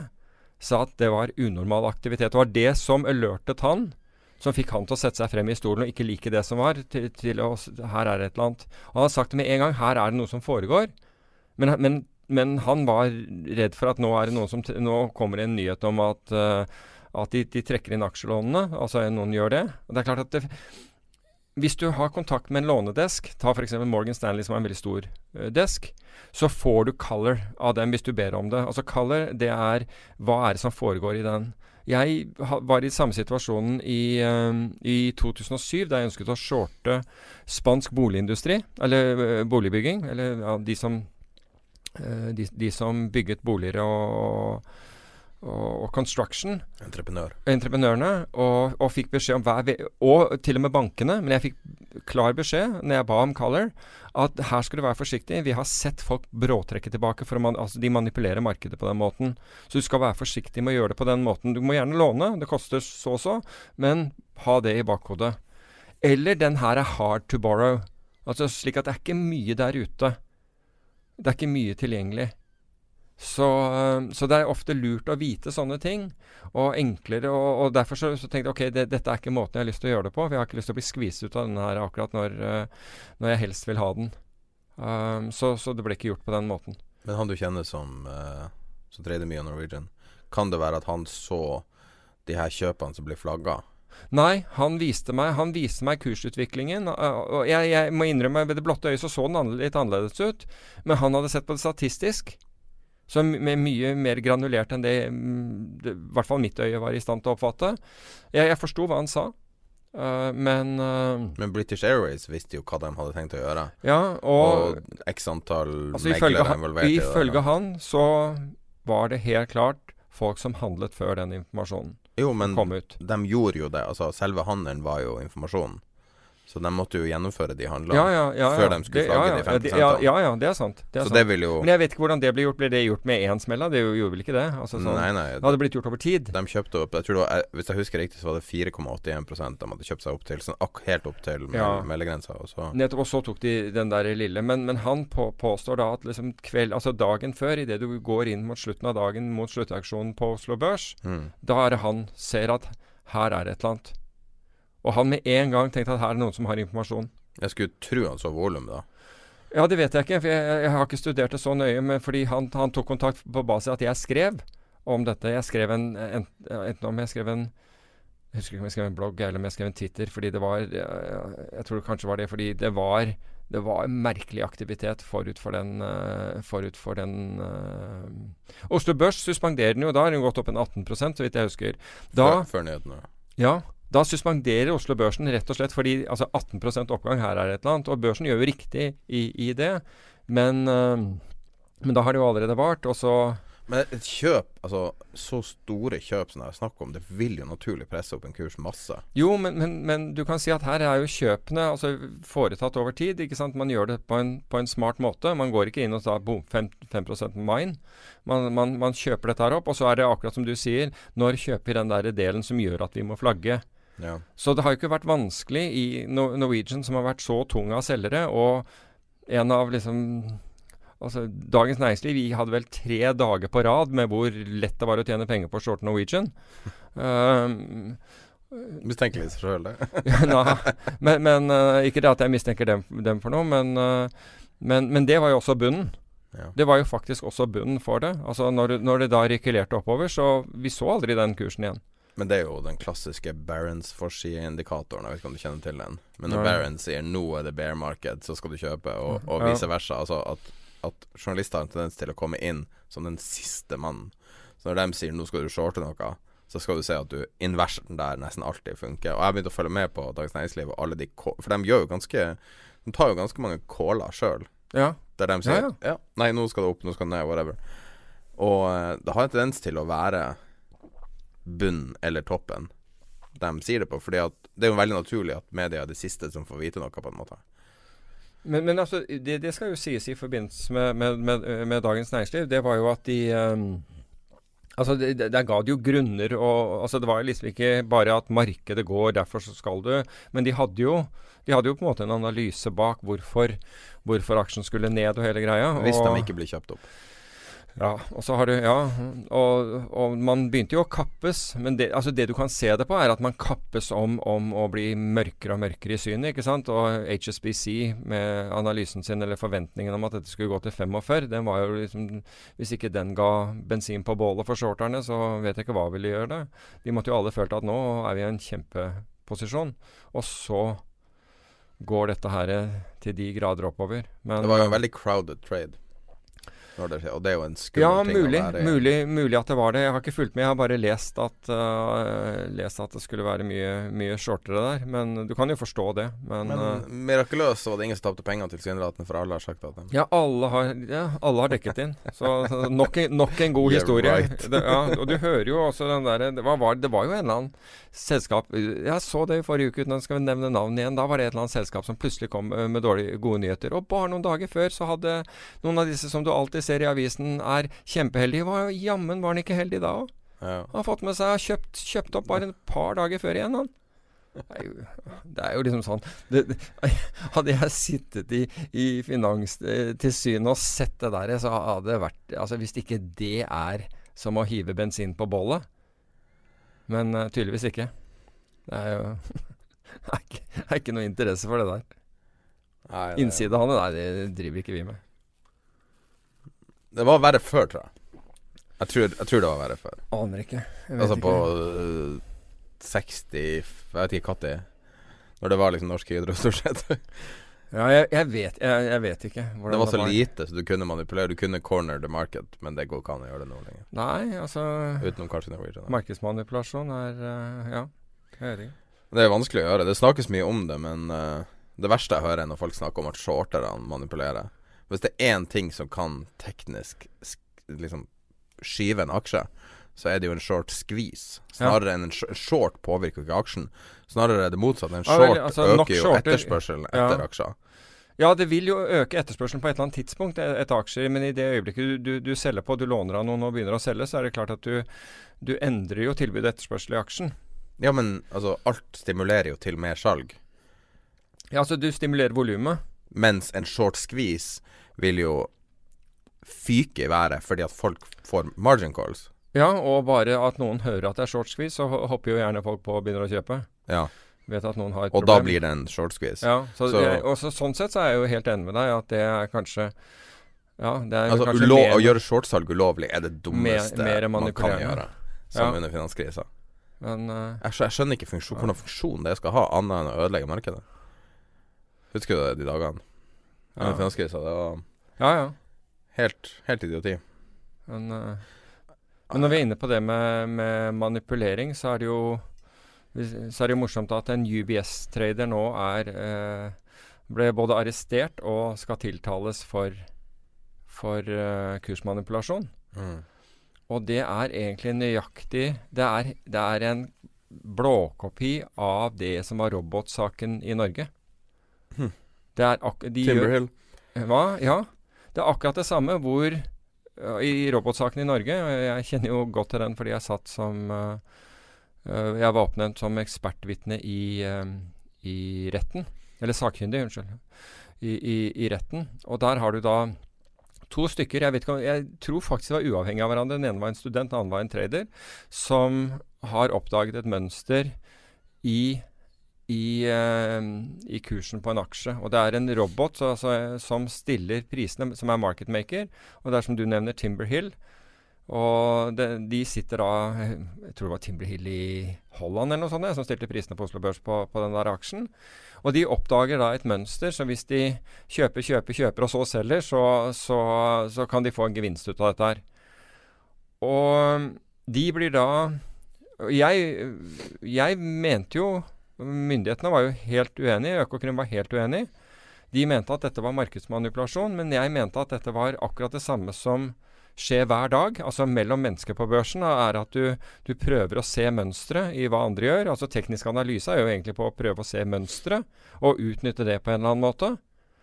Um, og de blir, de blir frifunnet. Dette ble anket og ender faktisk opp i Høyesterett. Eh, og det hevdet jo da Høyesterett, hvor det, hvor det, som har da vitnet i Høyesterett. Det er ikke vanlig at du har vitner der i det hele tatt. Jeg tror jeg var også, jeg så på det. da. Akkurat. Eh, I hvert fall så de blir frifunnet. Men altså siden det så har i utlandet så har andre blitt dømt for akkurat det samme. Det var en fondsforvalter som ble dømt til tre års fengsel.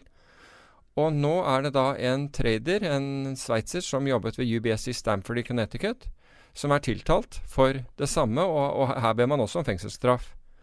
Um, men det, det, altså, det vi vet Altså Hele denne high frequency trading market-makingen er jo å forsøke å finne ordre og, og utnytte det. Så det kan ikke være slik, etter min oppfatning, selv om Dodd-Frank, sier, uh, som ble vedtatt i 2010, sier noe om dette med spoofing og den biten der, at, hvis, at en maskin kan få lov å gjøre det.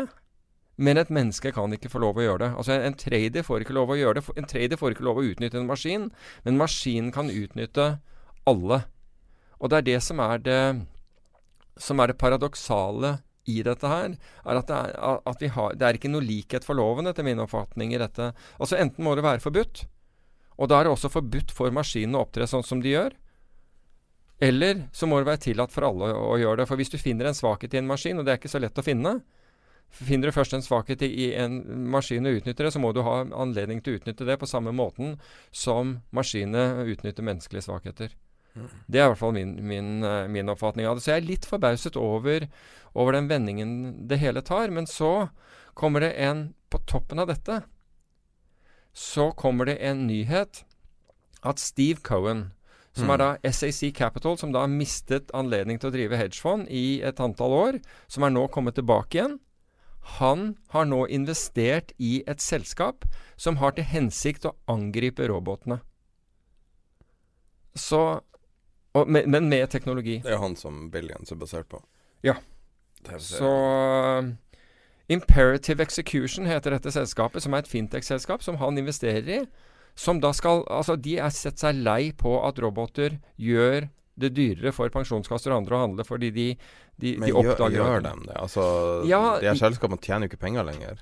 Nei, gjør de det eller ikke? Altså, øh, på Norges Bank, øh, Investment Management, altså oljefondet, har en årlig øh, konferanse øh, som er by invitation only. Øh, hvor de tar opp forskjellige temaer. Det er gjerne i august-september, så vidt jeg husker.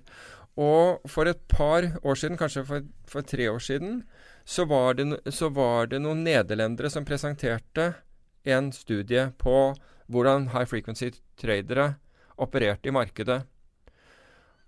Og jeg må innrømme at de viste da De hadde da fått lov å bruke data fra bl.a. svenske Rorbur-fondene. De har fått lov av DNB Asset Management. Og de hadde studert dette på Nasdaq i Stockholm. Og de hadde da funnet Og, og da hadde de sett mønstrene til disse maskinene. Og faktum var at maskinene gikk imot. Altså hvis, hvis, øh, hvis fondene, altså pensjonskassene og de andre, var kjøpere av en aksje, så ville de være selgere i bortimot halvannen times tid. Altså ville de faktisk selge hele tiden, forsøke. Altså de ville gå imot handelen, da. Altså med andre ord ikke prøve å gå samme vei, ikke prøve å gjøre det dyrere. Men de ville gå imot en god stund. For etter en viss tid så slo de om, og da ble de predatorial. Og netto Netto så mente, så, så mente altså, så Netto så tjente eh, high frequency-traderne på dette. Det var ikke store beløp. Det var ganske små. Eh, og du kan si at det kan også være prisen du må betale for volum. Mm. Så det var ikke som om juryen har liksom kommet inn og sagt at dette er bare dårlig. Selv om vi vet at det er enkelte der ute som, som kontinuerlig manipulerer. Altså sånn at de, at de, de pinger ordrene dine med bitte, bitte, bitte små beløp for å se om du er reell eller ikke. Og er du reell, så handler det ikke på deg hvis ikke den prisen er, er feil. Ja. Og det er utrolig frustrerende. Men når du ser på hva det er, så skal selskapene faktisk tjener, dem som er kjent, Ja. så går det jo feil vei. Ja, de gjør det. Men, men, men uh, altså selskaper som Citadel og XTX Er, er Citadel offisielt hva de tjener? Er de tallene åpne? Ja, det tror jeg at de er. Men de uh, Det, det fins de, og, men, og det har endret seg. Altså, Flow Traders begynner å gjøre det bedre. Eh, Altså, det har jo vært en veldig avskalling og en konsolidering av en del av disse high frequency-firmaene. Uh, men eh, men det det som Cohen og disse skal lage, er en egen dark pool som skal bekjempe disse her andre. Ja, akkurat, ja. Og hvor, hvor, de rett og slett tar sikte på å, å bekjempe robotene. Altså. Skal lage en egen dark pool, Ja, så altså, de skal slippe dem inn? Ja, altså de skal lage en egen dark pool for generering av, av disse ordrene, slik at de, de ikke blir predictable for, for maskinene, men samtidig skal de klare å avlese hvordan disse maskinene Så de, har måte, de, de går rett og slett til fron- frontalangrep på, på maskinene. Hm. Det blir spennende å se. Early days. Quiz. Hvor mye assets har Citadel under management? Vet du det? Åh, det vet jeg ikke. Hva 24 milliarder dollar. ja.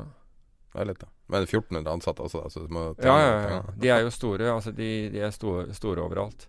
Hva er det som har skjedd med kakao og aluminium og de her eh, Det har jo gått litt mot uh, resten av markedet. Ja. Altså, nå har jo råvarekomplekset, eller råvarer generelt, uh, steget i verdi. Eh, nå har ikke jeg fulgt kakaomarkedet nøye, men, men aluminium har jeg faktisk fulgt med. Og det, det som skjedde der, det var jo at Sånn, sånn klassisk, hvis, hvis noen har sett på et chart av al aluminium i år, så var det en bra oppgangstrend. Som da Først så brytes trenden, og så brytes det et støttenivå, altså sånn der et teknisk støttenivå. Og det hagla på med salgsanbefalinger. Og to dager senere så går aluminium vertikalt til himmels. Så du snakker om short squeeze. Mm. Altså, det der gjorde vondt. Og det der har gjort mange vondt, altså, som har Store summer Altså, den, den var Vet du hva, den der formasjonen, hvis du var sånn teknisk anlagt, den var så tydelig at Stevie Wonder gikk short. Dette her. Ja. Spørs hvor bra teknisk, klassisk teknisk analyse egentlig er i 2018. Ja, hvem hvem vet. Det hadde vært et bra spørsmål å stille han John Bollinger, fordi at En ting jeg har stussa på med teknisk analyse, du var jo veldig tidlig med chart i Norge. Ja, med tidsserier, ja. Ja, Mm. ja det at du, at du helt tatt hadde et chart. Ja, altså Før meg så Dag Fugt var den venn som først interesserte seg for det i Norge. Og han, han hadde lest boken til Sixten Øhmann som jeg tror Kapital hadde annonse for, eller gjorde en feature på, eller noe sånt noe. Og, og, og, og Dag eh, kjente David Foller, som drev et selskap i Kanskje fortsatt driver som, i, i London som het Chart Analysis, som var kjent over hele verden. Og de to var, var venner. Og, um, så han begynte jo egentlig med dette. Det jeg gjorde, fordi det fantes ikke tidsserier i Norge i det hele tatt. Det fantes ikke noen tidsseriedatabase. Ikke, ikke year to date, ingenting. Fa, fa, altså, det fantes ingen tidsseriedatabase i Norge. Alt var på ark på børsen. Ja, altså på, i kolonne. Nei, altså alt var på børskurslister Ja. Oh, som lå oppå hverandre. Å, Å, herregud. Og slik at uh, jeg laget den første databasen på børskurset på Oslo Børs. Dette var, måtte ha vært i 81 eller noe sånt. Noe, 81, Ja. 82 eller noe sånt. Noe, og da og med en sekretær som het Berit Dalseng. Hun satt på at den ene leste og den andre eh, tastet inn, og så byttet vi på. Og så tok vi først uh, de selskapene som ble, hadde to ganger daglig opprop, for det var jo sånn den gangen. Ja, Altså de største selskapene, og så de siste tre årene. Og så gjorde vi det på, på alle, og så justerte vi for emisjoner og den biten der. Og så hadde vi den aller første tidsseriedatabasen. Og så tenkte du da teknisk analyse på Nei, det. jeg tenkte altså teknisk analyse, statistisk analyse. Nå hadde vi Altså, jeg hadde jo, jeg hadde jo drevet med, med, med, med den type analyser tidligere. Mm. Og nå hadde vi plutselig grunnlag å kunne gjøre det ut i Altså gjøre Fourier transform, altså mange sånne forskjellige ting. øh, ulike sykkelanalyser. Den, den type ting. Nå hadde vi et grunnlag for det, for før det så kunne jeg bare mene noe om det, men nå hadde jeg faktisk noe som, som du kunne mene noe statistisk om. Men spørsmålet da er I et marked der kun du sitter på den statistiske råma, råvaren Ja. er- Det må jo være lettere å tjene penger hvis det er kun du som klarer å se et mønster. Nei, det vi gjorde da, det vi gjorde da for vi var jo et, et analysefirma, det var at vi eh, et, Jeg tror det var i 82, ja, hvor vi kom ut med, med, med Norges første chartbok, som het The Oslo Stock Market, som kom ut hver 14. dag, uh, mener jeg. Og, og det var ikke bare bare, fordi eh, det, dette var tiden hvor det var floppy disk, ikke sant? Mm. Floppy drive. Slik at jeg ville sette den i gang når Altså, jeg hadde tastet inn børskursene for dagen, den dagen, altså den siste dagen som var en, var en torsdag. Så når jeg tastet inn det, så satte jeg i gang denne her, og da gikk den, da gikk den på, på, på en printer. Mm. Og så måtte jeg komme tilbake igjen sånn i åttetiden og skifte eh, disk. Og så dro jeg hjem igjen, og så kom jeg tilbake igjen nærmere midnatt. Og hvis alt hadde gått bra, du ikke hadde hatt papirstopp For vi hadde jo papirstopp, så var du ikke ferdig før en eller annen gang på morgenkvisten. Eh, hvis du ikke hadde pa papirstopp, så, så tok jeg da denne bunken med, med chart, eh, som var skrevet ut på printer, og kjørte opp til Pilestredet og leverte den hos et eh, reklamebyrå. Mm. Hadde nøkler dit, la den på en desk, desk eh, til en der, og så gikk den i print, og så var den ute hos abonnentene på lørdag morgen. Så da fikk de den i posten. Og der var det chart over alle disse her med noen indikatorer som jeg hadde lagt på. Bollinger Band var ikke der, men jeg hadde noen Wells Wilder-indikatorer og litt sånn forskjellig på det. Noe glidende gjennomsnitt av Wells Som sagt, disse Wells Wilder, RSI tror jeg det var. Og for den er er en kar som heter J. Wells Wilder som, som fant opp i sin tid. Og så viste den relativ styrke i forhold til totalindeksen, så du kunne se på, på, en egen grafe om den aksjen du så på, var sterkere eller svakere enn totalindeksen. Men som Altså, du, jeg tror jeg, kanskje ikke skjønte hva jeg spurte om. Hvis du er den eneste i markedet som har sånn informasjon, er det større sjanse enn hvis alle har den og tjener penger på den strategien? Fordi at du får jo ingenting som ligner på en crowded trade hvis La oss si at du går short eller et eller annet fordi at du tror noe er overkjøpt, f.eks. Mm. Pga. RSI-en. Ja. Hvis du sitter på den informasjonen i et usofistikert marked der ingen har et chart, ingen har en datamaskin, ingen kan gjøre kvantitative analyser, er det større sjanse, eller er det, er det alt annet like? Altså På det, det tidspunktet så var jo ingen teknisk drevet i, i, i Norge omtrent. Altså Vi hadde jo og det var jo fra før jeg kom inn, så hadde jo Dag noen av de Norges største investorer, altså in, institusjoner og privatpersoner som kunder. Uh, så, så du kan si at vi hadde markedsmakt hvis vi, vi, hvis vi sa at noe var et kjøp, så hadde vi faktisk markedsmakt. Da, da så du at ting beveget seg. Mm. Men eh, samtidig så har du jo alle de 50 meglerselskapene eller hva det var som var i Norge på det tidspunktet, som da kunne mene noe annet og, og ha fundamentale analyser. Så jeg, jeg vet ikke, men det er klart at det, det er flere som fikk et chart og kunne, og, og kunne se utvikling. Det mer sannsynlighet var, og, i hvert fall hvis de hadde gått kurs et eller annet sted i verden om, om teknisk analyse, så var det vel mer sjanse for at de eh, at, at de si, mente det samme som deg. Men, Men skjønner du spørsmålet? Jeg skjønner spørsmålet, men, men På, altså er det the, the tail wagging the dog, er det jeg lurer på? ja, av og til. Av og til. I to selskaper husker jeg veldig at det var The Tail Wagging the Dog. Norsk Polarnavigasjon og Norsk Vikingolje. Norsk vikingolje har jeg hørt om. Ja, de, de to selskapene der, de følte jeg virkelig at eh, når vi, vi mente noe om, så gikk det veldig i den retning. Og når vi snudde, så gikk det veldig den andre veien også. Men må det være For det, det, som, det som jeg lurer på, er i et, Hvis du tar bitcoin, da. som et usofistikert marked, hvis man sammenligner med f.eks. SMP Future. Mm. Så det Hvis man skal prøve å tenke at det er eksperiment Et usofistikert marked er det lettere å lese den kollektive psykologien, fordi at det er ikke en milliard mennesker som sitter og hamrer løs på det markedet, og, og da å på en måte skue psykologien, sånn at det blir mer vanna ut. Mens i et, et nytt marked Nei, altså jeg tror du må ha, du må ha en, en eller annen form for kritisk masse, slik at psykologiske prinsipper gjelder. Men er dem noe som du kan si med relativt stor sikkerhet at kommer til å, å fungere? Jo, men det er vel Det du ser, og det, og det så du da, og, og, og slik er det i dag, etter min oppfatning, er at du, du finner jo ikke én modell, én indikator som virker i alle, i alle sammenheng. Det fins ikke, i hvert fall vet ikke jeg at det fins. men det du finner, det er at du finner en suite. Og så ofte så, så passer det litt til din egen personlighet, hva, hva du ser på, og hva du ser etter. Så finner du på en måte en suite av, av indikatorer. La oss si fem-ti indikatorer som du bruker, eller to-tre, hva som helst. Og så veksler du mellom disse. Og det er det, altså det er jo der på en måte kunnskapen øh, ligger.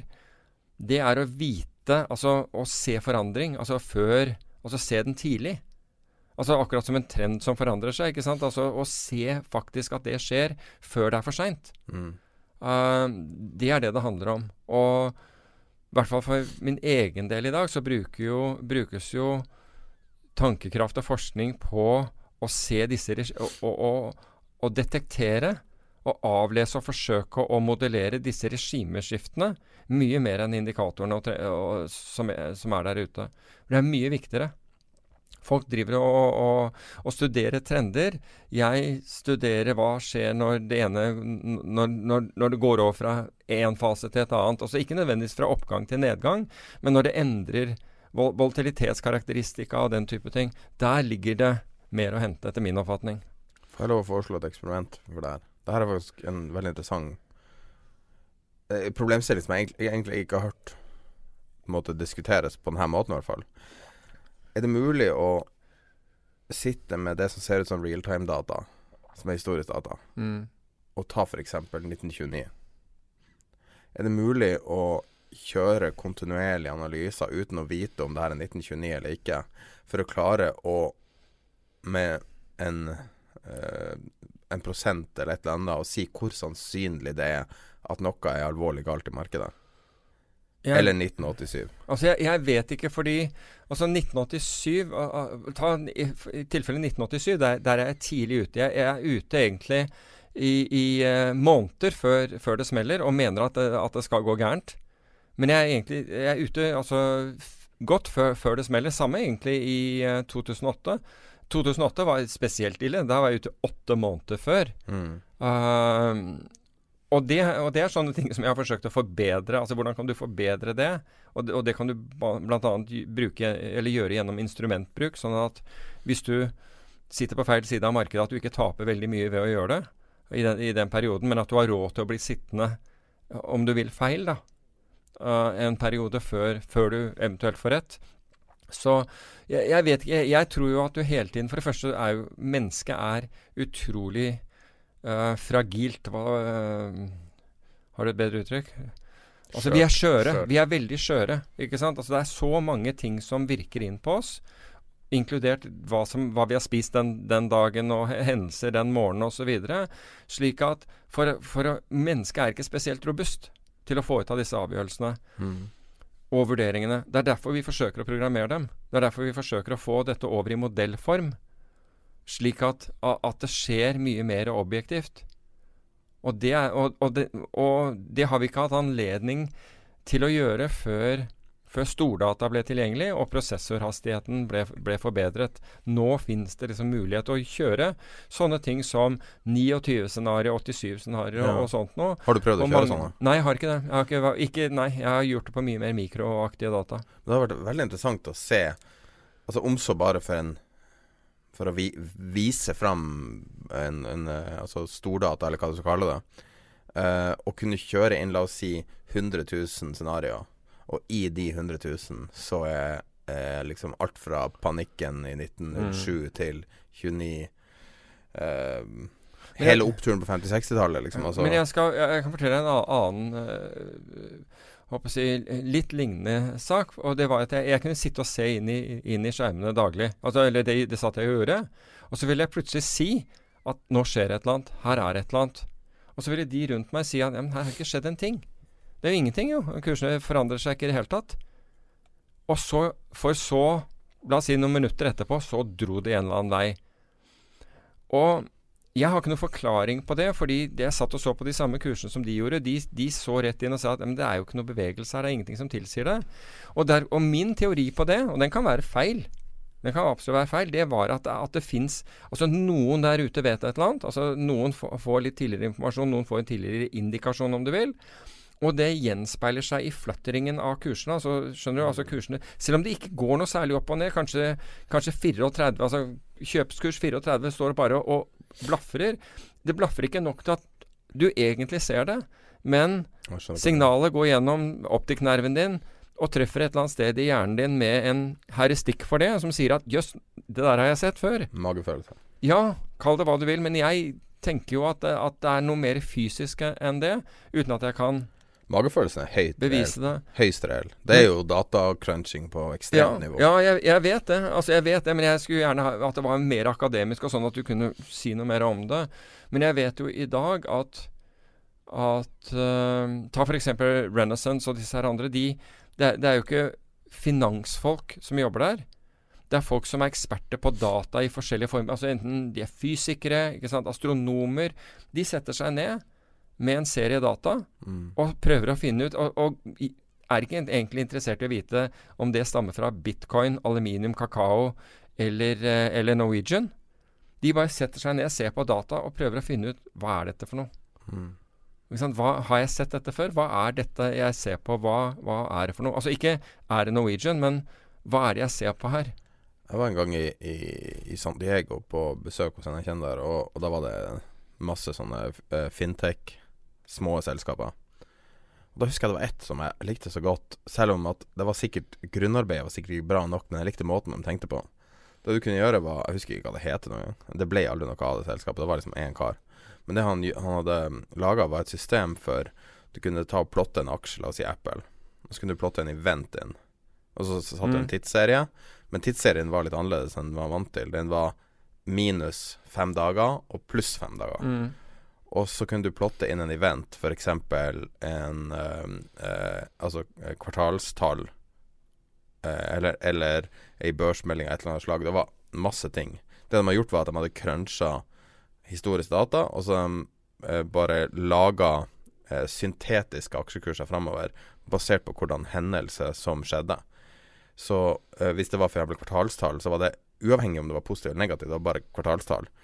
Og så tegna den en graf basert på all dataen. Og det var interessant. Det var liksom teknisk analyse framover, på en måte. Mm. Uh, og jeg kan skjønne at noen investorer vil like å ha sånn type ting å lene seg på. Det finnes ikke et fasitsvar, men det gir deg litt sånn For at jeg tror eh, mange tradere, kanskje spesielt, har problemer med å forestille seg at ting kan forandre seg. For man, henger, man er så ankra i nåtida. Mm. Det er vanskelig å forestille seg at gulvet på sveitserfrangen skal forsvinne. Fordi at det er, du tar det så for gitt. Det er liksom Det er liksom bibelen din, på en måte. Og så plutselig er den brent opp og borte. Og mens Eller jeg likte den måten å approache en graf på. Mm. En, en framtidsgraf. Men det, det er jo nettopp det som Det du sier der, da, er at at, at bil, Bibelen blir brent. Det er jo det som skjer ikke sant, i type 87, selvfølgelig. Også i, eh, under, under dotcom. Da ble Bibelen brent i begge retninger. ikke sant? Mm. Altså Både når dette gikk opp, fordi det var, det var jo luft som dro og dro og dro. og dro, ikke sant? Det var jo ingen verdens ting der. Det var jo ikke selskaper som var, var jo knapt uh, De var jo knapt stiftet før, før de dro. Um, og, og til nedsiden så falt det mye mer enn noen, noen liksom kunne forestille seg. Og i, i samme 2008 Og jeg skal love deg nå, for dette har vi snakket om før. Nå er vi kommet så langt. Nå er vi ti år fra, fra, fra finanskrisen. Og du har byttet ut en hel generasjon med, med, eh, med meglere og analytikere og, og, og den type ting. Så jeg kan love deg Strateger. ikke minst. Og, eh, og jeg, så jeg kan love deg at uh, hvis du nå uh, Nå kommer de, å, eh, kommer de, de fleste til, til å, å bli religiøse hvis dette, detter fra hverandre. Fordi nå er det veldig få som har erfaring Ja. og har sett noe annet. Jeg, har, jeg abonnerer på et nyhetsbrev fra en sånn independent analytiker. Hver eneste uke er det noe ny faenskap han har klart å finne fram. Og det slår meg at folk må være så kreative på å finne grunner til å være pessimister. Det er liksom Han, han lager sine egne chart basert på en eller annen relativ verdi.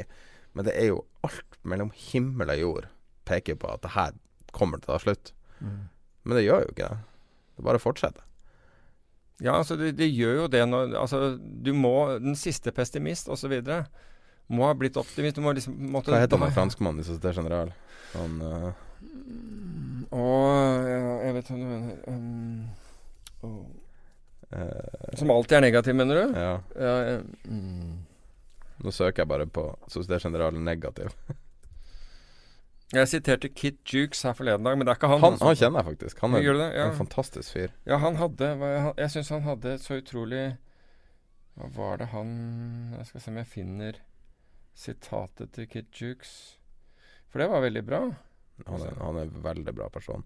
Hvis du ikke følger Du kan følge ham på Twitter, han har et nyhetsbrev også eh, via Société General. De har jo en del du kan abonnere på som han er Jo. Dette er fra Kitjukes. Uh, dette var i forrige uke. What matters now Dette måtte være i Financial Time. What matters now is the nervousness induced by both President Trumps late cycle fiscal largesse and his Twitter feed. Det er ganske bra. Det er det som teller. Det er Twitter-feeden til, til Trump. Det er den som styrer. Jeg søkte på største General og Bear. Albert Edwards. Albert Edwards. Edwards. Mm. altså Hvis du ikke har lest Albert Edwards-rapporter Jeg ville ha skippa å lese det via en avis. Bare les dem direkte. Det er helt, helt magisk hvor mange måter han klarer å være negativ på. Og han er alltid, absolutt alltid negativ. Men han hadde én rapport for et par måneder siden der han visste et lite hint av positivitet. Og i neste rapport så henviste han til det, at nå var han tilbake. Wow. Men han er, jo, han er jo den mest populære som banken har. Ingen matcher han. Hvis han har et foredrag, så kommer det tusenvis av folk Yes. for å høre på. Det er ingen grenser for Det var, det var Kitchuk som fortalte det. Litt, litt sjalu. Men, men her, altså i dette landet her, så tror jeg at uh, Her tror jeg du har minimal sjanse for at noen kommer at, at det blir han er stjerne? at, Nei, men at mange, mange kommer der, dersom du er negativ. Altså, Jo, alle for vil- han kommer dem, med for ingen her, i Norge? Ja, han er jo veldig, veldig berømt okay. i Norge. Er han det? Ja. Ja, ok. Han har blitt omtalt i alle år i, i DN og Ok. Finansavisen, tror jeg. Aha. Så at akkurat han tror jeg kan trekke folk. Mm. Men en sånn permaber har en tendens til å Folk Ja, blir lei av det, liksom. Jo, jo, men og, og, altså er du permaber, så tilfører du ikke fryktelig mye, mye verdi heller, med mindre du holder kjeft mellom hver gang liksom, det gjelder. Mm. Da er det jo greit nok. Men hvis du er uh, bearish, uansett hvordan, hvor du er hen, så er det jo ikke så, så attraktivt å høre på. Hva du syns om Zero Hedge nå? Ah, altså Jeg ser overskriften deres. Det er veldig veldig sjelden jeg, jeg leser uh, hva det dreier seg om.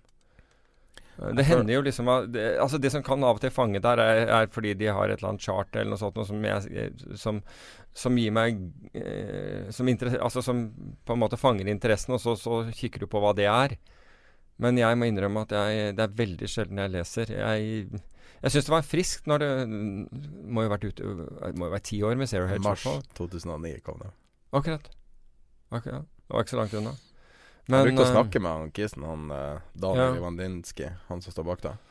Uh, men han, altså, han må jo ha noe galt med seg. Nå er det jo 30-40 sånne folk Som står bak skriver? Ja. Men de hadde ei veldig Grunnen til at jeg spør, de hadde ei veldig rar vridning som ble ekstremt politisk uh, rundt Donald Trump. Okay. Litt sånn alt-right-vridning, på en måte. Uh, men det ser ut jeg er inne på sidene, og det ser ut som de er tilbake til finans, egentlig, for nå er det noe som skjer. Aha. Så når volatiliteten var lav, så virka det som de feida litt fra, fra finans. Men da tror jeg alle feida. Ikke sant? Hva, hva, hva skulle du si? Ja? Det, ikke sant? Det, er, det er flatt vann. Hva skal, i all verden skal du si om det? Ja, pent vær i dag òg. Og i dag er det pent vær, da. Liksom, 1 time og 27 minutter står det på På den her eh, rekorderen. wow. Ja, ja. Imponerende.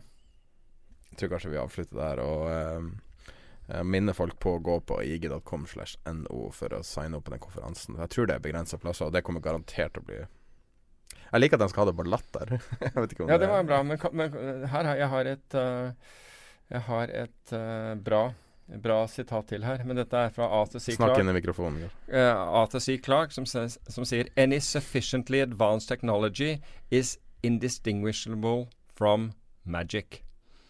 Det er litt kult. Det er litt kult. Jeg tror vi avslutter nå, og så tar vi vår samtale med Erik Hansen fra IG Markets.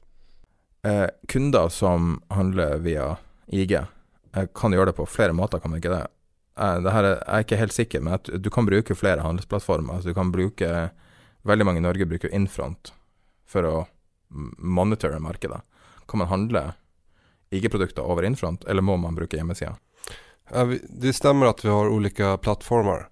Eh, vi erbjuder inte Infront utan vi, våra mer avancerade plattformar som vi erbjuder våra kunder heter bland annat uh, Pro Realtime och uh, MT4, MetaTrader 4.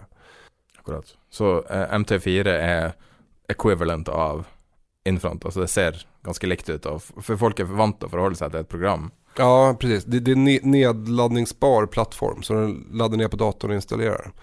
Eh, dock ska jag inte jämföra med Infronten. Eh, men eh, jag skulle säga att de, de flesta av mina kunder som kräver lite mer avancerade eh, verktyg, lite mer eh, charts, eh, lite mer teknisk analys, eh, lite mer funktioner. Eh, de gillar att handla i Pro Realtime. Eh, och det, jag skulle säga det är ett suveränt verktyg. Men om man bruker DMA-produkter, kan man Mm. ikke handle i flere plattformer da også?